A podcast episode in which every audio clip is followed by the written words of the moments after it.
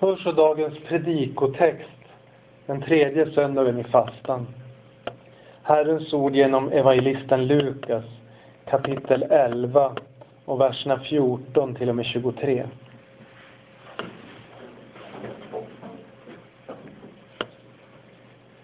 Jesus drev vid ett tillfälle ut en ond ande som var stum. När den onde anden hade farit ut talade den stumme och folket förundrade sig. Men några av dem sade, det är med hjälp av Beelzebul, de onda andarnas furste, som man driver ut de onda andarna. Andra ville snärja honom och begärde av honom ett tecken från himlen. Men han visste vad de tänkte och sa till dem, ett rike som har kommit i strid med sig självt blir ödelagt och hus faller på hus. Om nu Satan har kommit i strid med sig själv, hur kan då hans rike bestå? Ni säger att det är med hjälp av Beelzebul som jag driver ut de onda andarna. Men om det är med hjälp av Beelzebul som jag driver ut de onda andarna, med vems hjälp driver då era söner ut dem? De kommer därför att vara era domare. Men om det är med Guds finger jag driver ut de onda andarna, då har Guds rike kommit till er. När en starke beväpnad vaktar sin gård får hans ägodelar vara i fred. Men kommer det en som är ännu starkare och besegrar honom, då tar den mannen ifrån honom alla vapen som han litade på och fördelar bytet. Den som inte är med mig är emot mig och den som inte samlar med mig, han skingrar. Amen. Så lyder de heliga orden. Amen.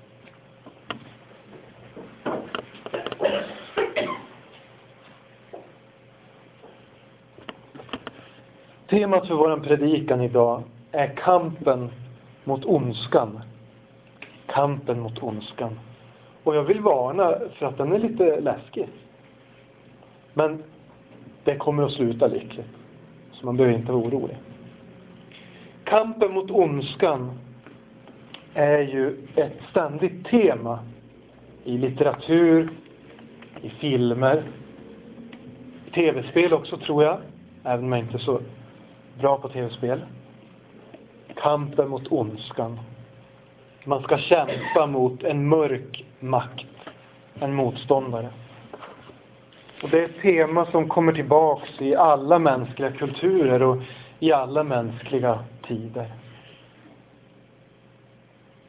I gamla sagor så är det kanske en häxa som hjäl hjältarna kämpar mot. Eller kanske en hemsk drake. Och många av de här sagorna de hämtar den grundläggande idén utifrån en sanning. Att det pågår en kamp mellan gott och ont. I våran text idag så talas det bland annat om kampen mot onda andar. Onda andar. Vi ser i Nya Testamentet att onda andar var relativt vanliga på Jesu tid. Han stöter på många människor som är besatta av onda andar. Vi kan se också att apostlarna, när de sänds ut, får möta onda andar, människor som är besatta. Och vi hör, även om det inte är så vanligt, berättelser även idag. Ofta från missionärer som åker ut till ställen, människor, samhällen där Guds ord är nytt och lite okänt. Att de får möta människor som är besatta. Det verkar som om onda andar är särskilt aktiva när evangelium sprids på ett nytt sätt genom att Jesus kommer till jorden. Eller genom att apostlarna sänds ut. Eller på nya ställen när missionärer kommer och predikar evangelium. Men jag tror, utan att veta, att ingen av oss har någon erfarenhet av onda andar och andebesittning.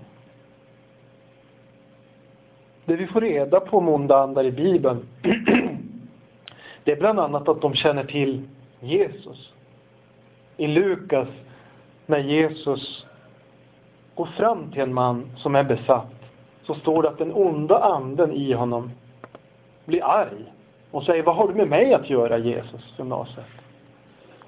Låt mig få bo här i fred, den här mannen. Jag har det bra här. Ska du komma och bråka med mig? Vi vet vilka du är, säger några andra, andra andar. Vi känner till vem du är.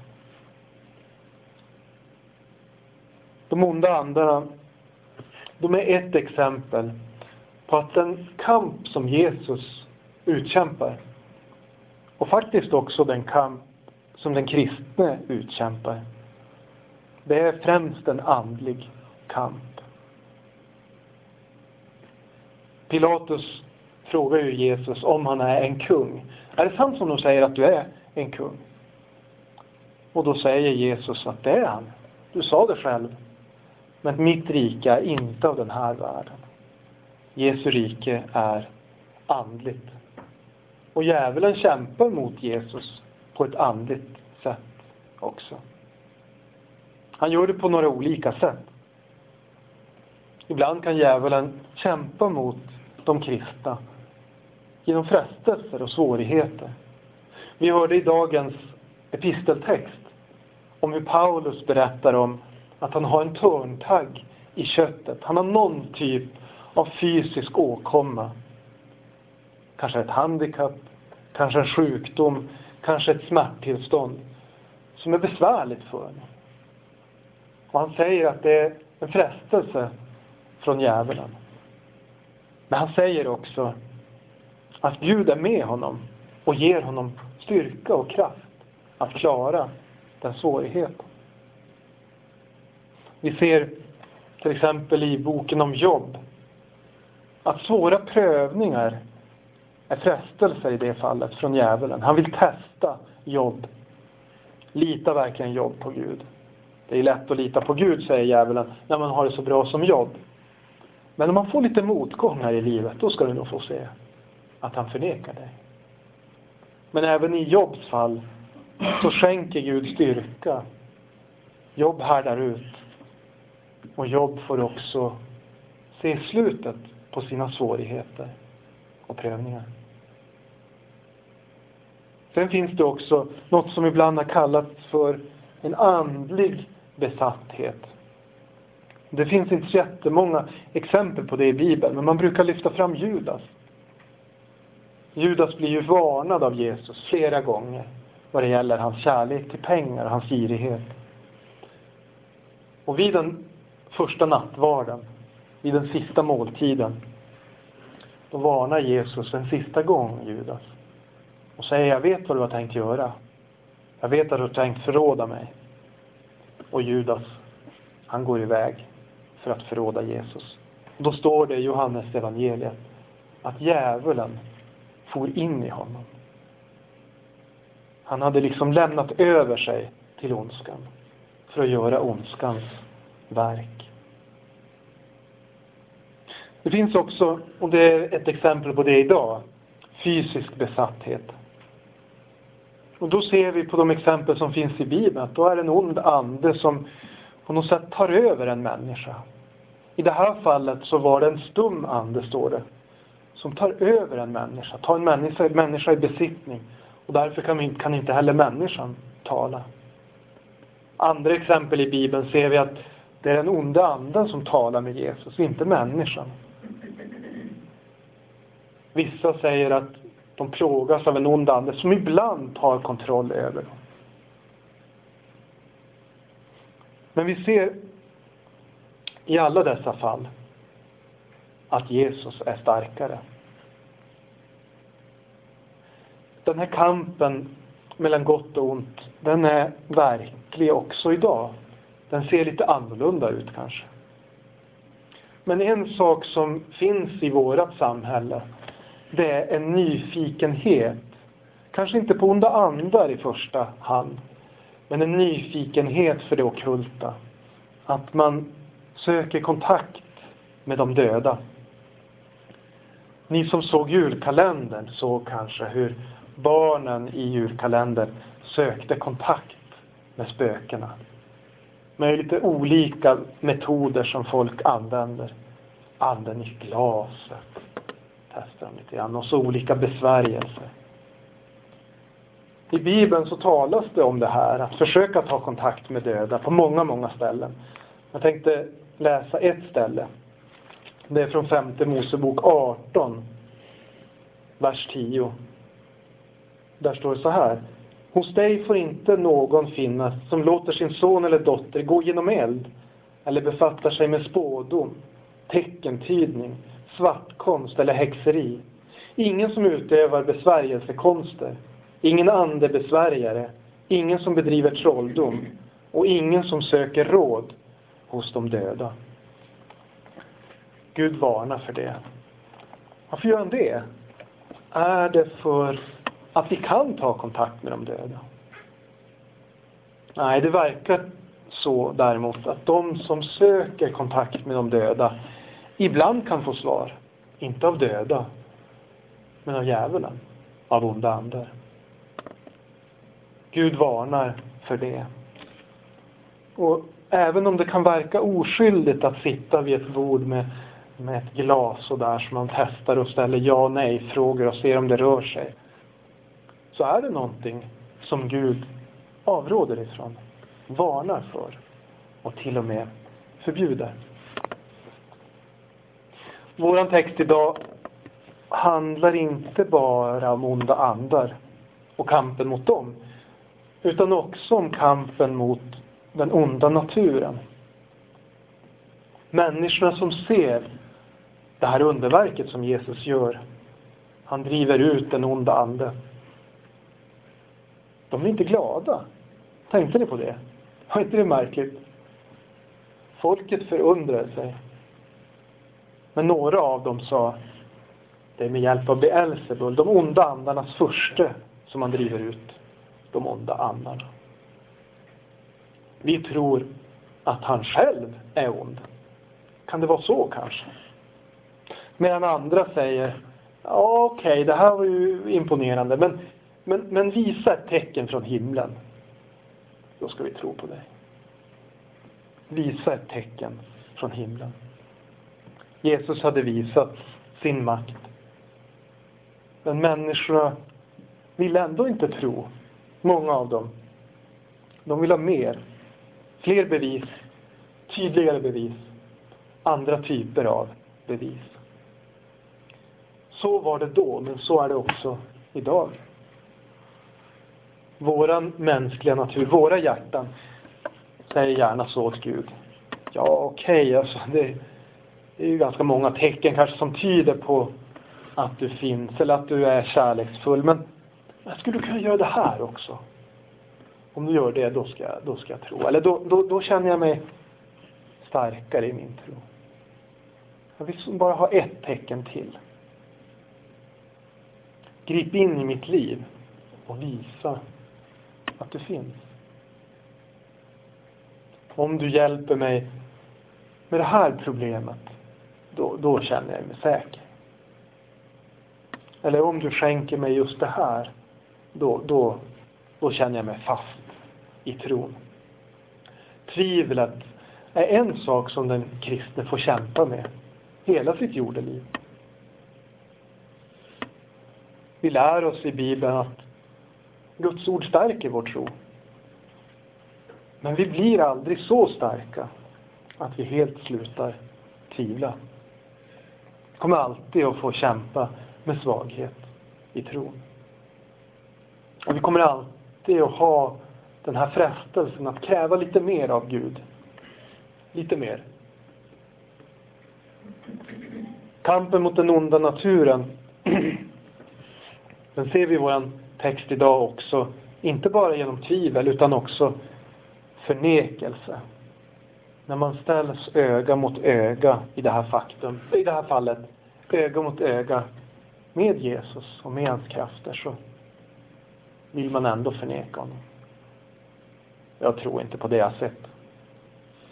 Det kanske var bluff på något sätt. Det kanske var något trix. Idag så säger man kanske, och det säger man i kyrkan ibland faktiskt, Jesu under, hans mirakel, det är ju kanske mm, sagor lite grann så, myter, berättelser som kyrkan har hittat på för att visa att Jesus är speciell. Jesus gick på vatten. Ja, det så säger lärjungarna. Men, men det kanske var speciell vind som blåste då, och, och det såg ut som att det var djupt. Men det kanske bara var fem centimeter djupt vatten där. Säger man kanske. Eller när Jesus när Jesus gör så att fem bröd och två fiskar räcker till fem tusen människor som får äta sig mätta så säger man att det kanske var så att han välsignade men de hade ju också matsäck som de tog fram. Man vill bortförklara Jesu makt då, men även nu. Kampen mot ondskan, den handlar om inte bara kamp mot det yttre, som är utanför mig själv, utan kampen mot ondskan handlar också en kamp, om en kamp mot mig själv. Min egen svaghet, min egen vilja att tvivla eller förneka Guds ord. Men vår text idag den handlar också, talar också tydligt om kampen mot djävulen. Jesus berättar en liknelse. Liknelsen om den starke mannen. När den starke beväpnad vaktar sin gård, då får hans ägodelar vara i fred. Men kommer det någon som är ännu starkare och besegrar honom, säger Jesus, då tar den mannen ifrån honom alla vapen som han litade på och fördelar bytet. Den starke mannen i den här liknelsen, det är djävulen. Djävulen är stark och han regerar i människors hjärtan. Inte, oftast inte alls genom besatthet utan bara på så sätt att människan inte tror. Han kan göra det genom frestelse. Han kan göra det genom andlig eller fysisk besatthet. Han kan göra det kanske genom ett intresse för det okulta. Men oftast så är det bara genom förnekelsen. Nej, det där verkar konstigt. Det kan jag inte tro på. Jesus säger också att han skyddar det som är hans. Han kämpar för det. Han vill inte att någon ska bli fri. Som den här mannen i vår text idag. Den stumme mannen. Han vill inte att någon ska komma undan. Men vi förstår det av liknelsen och vi ser det av Bibeln. Jesus är starkare än djävulen. Han besegrar djävulen. Och han gör det på ett sätt ganska klurigt. För han gör det på korset. När djävulen tänker att han har vunnit. Jesus vinner egentligen inte genom att med styrka krossa djävulen. Utan att med ödmjukhet och kärlek ge sitt eget liv för oss syndare.